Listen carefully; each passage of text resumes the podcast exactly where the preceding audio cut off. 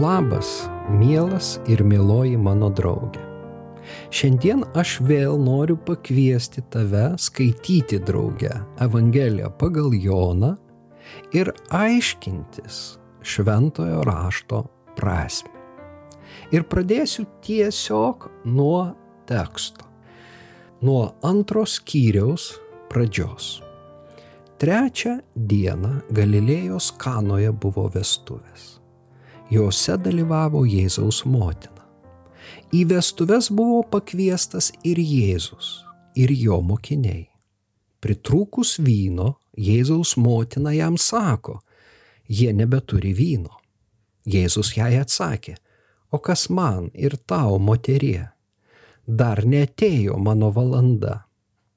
Jo motina tarė tarnams, darykite, ką tik jis jums lieps Ten buvo šeši akmeniniai indai žydų apsiplovimams, kiekvienas dviejų, trijų saikų talpos. Jėzus jiems liepė, pripilkite indus vandens. Jie pripylė sklidinus. Tada jis sakė, dabar semkite ir neškite stalo prižiūrėtojui. Tie nunešė. Paragavęs paversto vynu vandens ir nežinodamas iš kur tai, bet tarnai, kurie sėmė vandenį, žinojo, prižiūrėtojas pasišaukė jaunikį ir tarė jam. Kiekvienas žmogus pirmiau stato geresnio vyno, o kai svečiai įgeria, tuomet prastesnio. O tu laikiai gerai vyną iki šiol. Tokią stebuklų pradžią Jėzus padarė Galilėjos kanoje. Taip jis parodė savo šlovę ir mokiniai įtikėjo jį. Prieš aptariant pirmąjį Jėzaus stebuklą turime įvardinti tris svarbes prielaidas. Pirma, Jono požiūris į stebuklus yra kitoks nei sinoptinių evangelijų autorių. Matas ir Morkus tikėjimą iškelia kaip sąlygą, kad įvyktų Dievo stebuklas. Mato 13 skyriuje ir Morkaus 6 skaitome, kad Nazareto mieste, kuriame Jėzus buvo išaugęs, jis negalėjo daryti ženklų ir stebuklų dėl žmonių netikėjimo. Jis netgi stebėjosi, kad žmonės taip juo netiki. Jų manimų tik nedailydės sunus, tas, kurio tėvus ir brolius bei sesės jie gerai pažinojo, buvo išrinktasis. Tik ne jis, tas pranašas, kurio laukia izraelitai. Ir štai šis žmonių netikėjimas trukdė Jėzui veikti ir apreikšti Dievo galę. Tačiau Jonas priešingai pabrėžia, kad Jėzus darė stebuklus paklusdamas tėvo valiai nepriklausomai nuo to, ar žmonės juo tikėjo ar netikėjo. Tačiau jo padaryti stebuklai, kai jie įvykdavo, pažadindavo tikėjimą. Pavyzdžiui, lošas žmogus išsirgęs 38 metus skundžiasi Jėzui, kad neturi, kas jį neštų į angelo sujudintą vandenį ir jis galėtų pasveikti. Tuomet Jėzus imasi iniciatyvos ir jį pagydo. Taip pat ir aklai nuo gimimo. Žodžiu, mes neskaitome, kad keliama sąlyga - tikėk ir išvysi Dievo šlovę. Tikėk ir Dievas veiks. Priešingai, išgirdęs karaliaus valdininko prašymą pagydyti jo sūnų, Jėzus atsako, kol nepamatysite ženklų ir stebuklų, jūs netikėsite. Taigi tvarka kitokia. Pradžioj ženklai ir stebuklai, kuriuos daro Jėzus, savo iniciatyvą paklusdamas tėvui ir po to mūsų tikėjimas. Čia yra ta antroji prielaida, kad visa Jono Evangelija yra skirta tam, kad mes tikėtume. o joje aprašyti Jėzaus atlikti ženklai ir stebuklai ir yra mūsų tikėjimą žadinanti priežastis. Iš tiesų, paskutinis sakinys apibendrinantis stebuklų pradžią taip ir sako, jis parodė savo šlovę tuo stebuklu ir mokiniai įtikėjo jį. Baigdamas Evangeliją, Jonas praplečia šią mintį. Štai kaip savo mokinių akivaizdoje Jėzus padarė ir daug kitų ženklų, kurie nesurašyti šitoje knygoje. O šitie yra surašyti, kad tikėtumėte, jog Jėzus yra Kristus, Dievo sūnus ir kad tikėdami turėtumėte gyvenimą per jo vardą.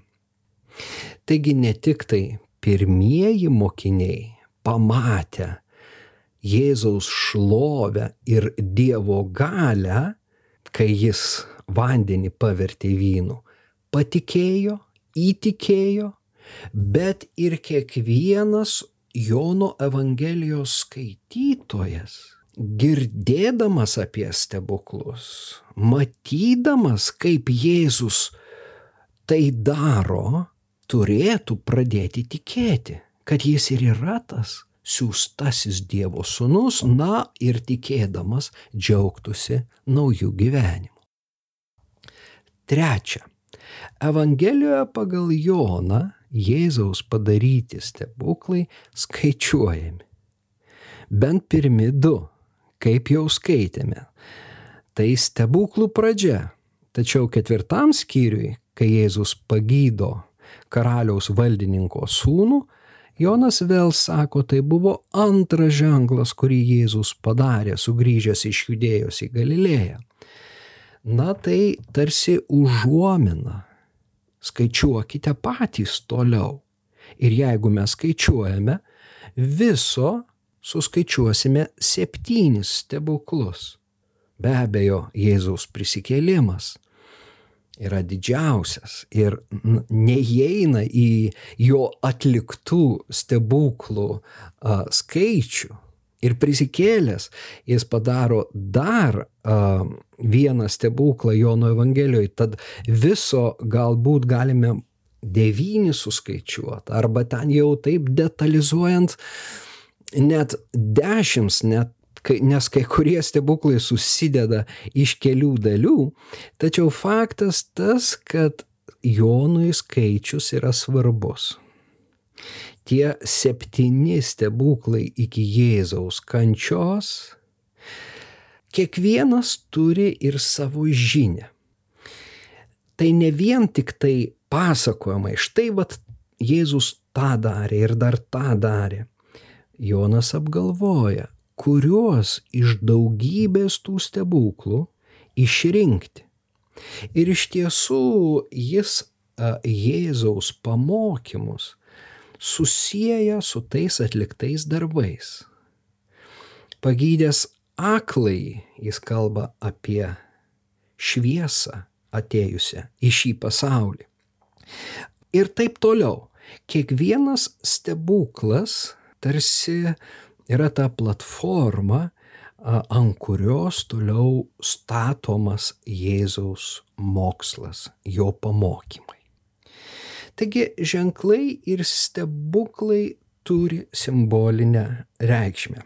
Be abejo, tai istoriniai įvykiai ir jokių būdų nesakau, kad tai yra tik tai simboliai. Jie iš tiesų vyko. Tačiau Evangelijos autorius per tuos stebuklus nori perteikti mums žinę, kurią svarbu įsisamoninti, suprasti. Taigi, kokią žinę mums perdada pirmasis Jėzaus ženklas, kuris yra labai netikėtas tiek dėl savo vietos, tiek ir dėl turinio. Vieta vestuvių puota. Ženklas vanduo paverčiamas vynu.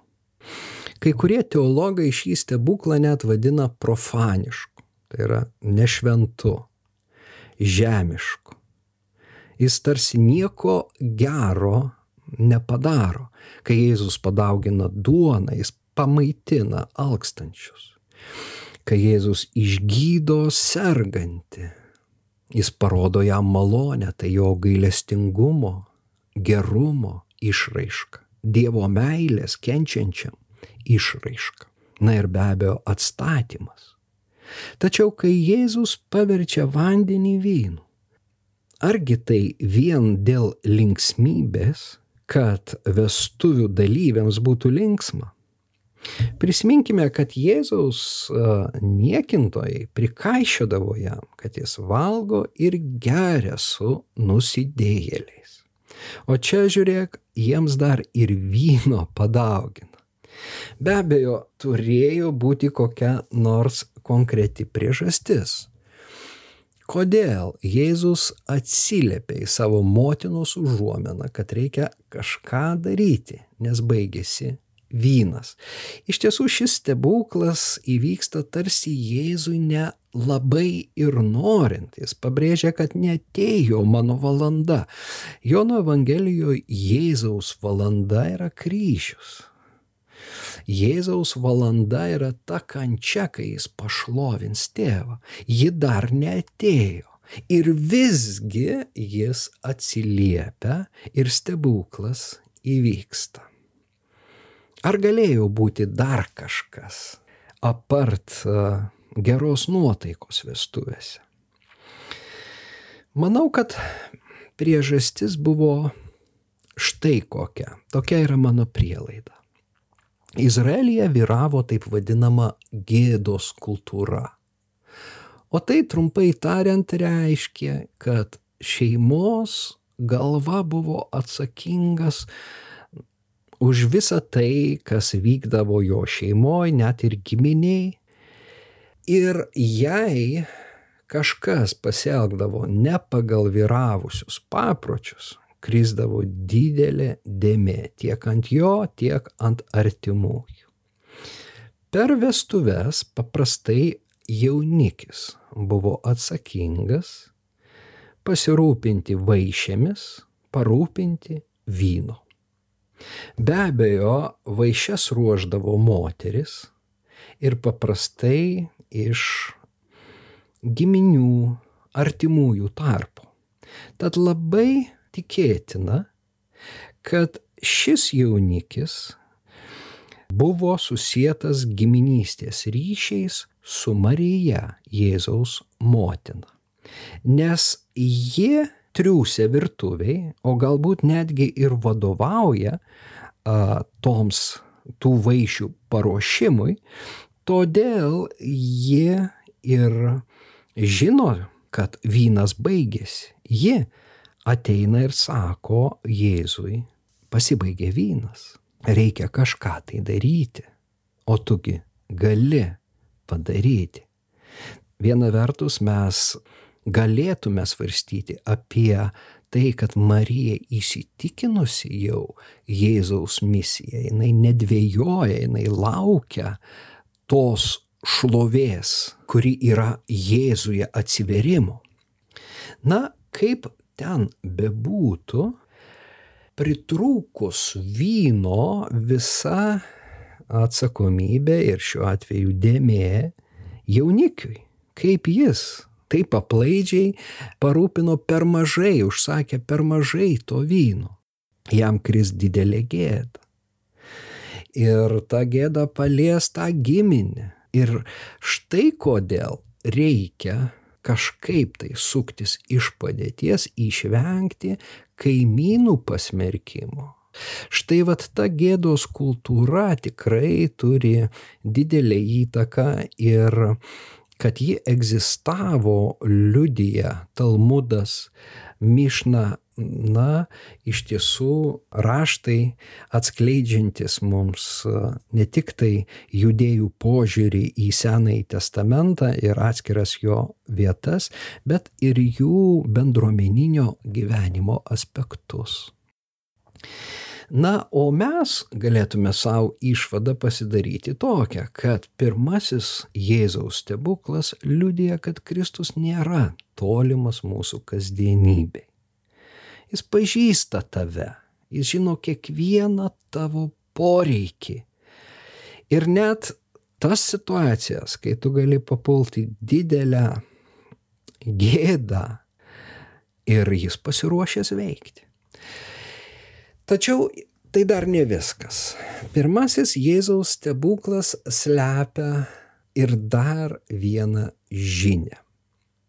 Atkreipkime dėmesį, kad ten buvo šeši akmeniniai indai žydų apsiplovimams. Taigi tai ne šiaip vanduo, o vanduo tose induose yra skirtas ritualiniam apieigom apsiplauti prieš Dievą, apiplauti save nuo nuodėmės, nuo nedorybių. Jono krikštas beje irgi buvo priskiriamas na, tiems ritualiniams judėjų apsiplovimams. Todėl jie suvokė, ką Jonas daro ir kodėl jis krikštyje. Jie suvokė jo krikštą kaip apsiplovimo prieš Dievą instrumentą. Taigi vanduo, kurį Jėzus paverčia vynu, simboliškai kalba, kad senoji ritualinė apsiplovimo paradigma keičiama nauja. Kad nuo šiol apsiplaunama bus kitaip. Pauliaus žodžiais tariant, kas sena praėjo, štai atsirado nauja. Ir Jonas palaipsniui įveda, kalbėdamas apie Jėzaus tarnystę, į tą naują sandorą. Iš tiesų šią mintį jis plėtoja sekančiame šios skyriaus epizode, kuriame mes regime Jėzų išvarantį iš Jeruzalės šventyklos prekiautojus ir pinigų keitėjus.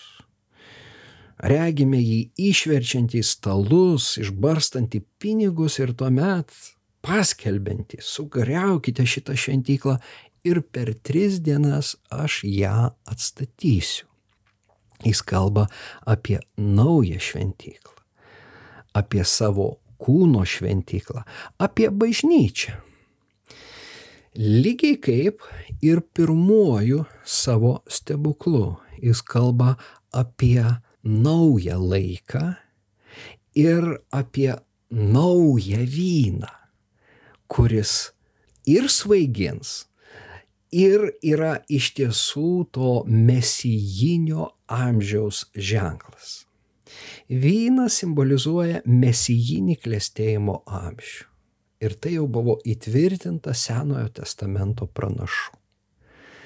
Na pavyzdžiui, pranašaudamas Izraelio atstatymą, Amosas sako, tikrai ateina dienos, tai viešpatė žodis, kai artojas pasivys pjovėją, o vynogių traiškytojas sėjėja, kai kalnai trykš saldžių vynų ir jis ruvens visomis kalbomis.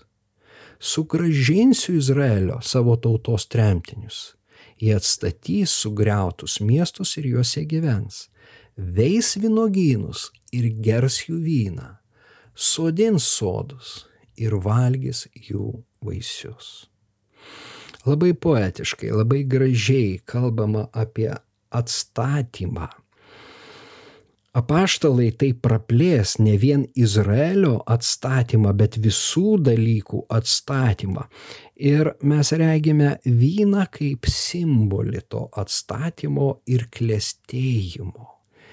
Jie veis vynogynus, gers jų vyną ir vynas rovens visomis kalvomis.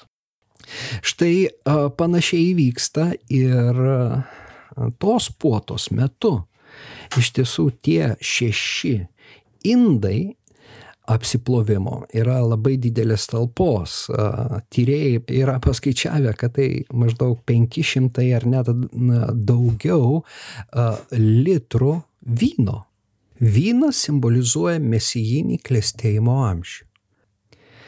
Be abejo, mes galime matyti jau pirmame stebukle tą užuominą apie paskutinę vakarienę, kai Jėzus padėkojas pakels vyno taurę ir pasakys, tai mano kraujas, už jūs praliejamas. Bet iš tiesų tai yra tiesiog mesijinio klėstėjimo amžiaus simbolis. Ir a, žydams tai buvo suvokiama. Jonas tarsi nori šiuo Jėzaus pirmojų stebuklų įtvirtinti, jog šitas amžius, naujasis amžius jau prasidėjo. Be to, Jonas patį Jėzų palygina jaunikiui. Ir tai yra tik tai keliais paragrafais aukščiau. Turintis sužadėtinę yra jaunikis, o jaunikio bičiulis, kuris stovi šalia ir girdi džiaugte, džiaugiasi jaunikio balsu. Tas bičiulis yra Jonas Krikštytojas, o jaunikis yra pats Jėzus.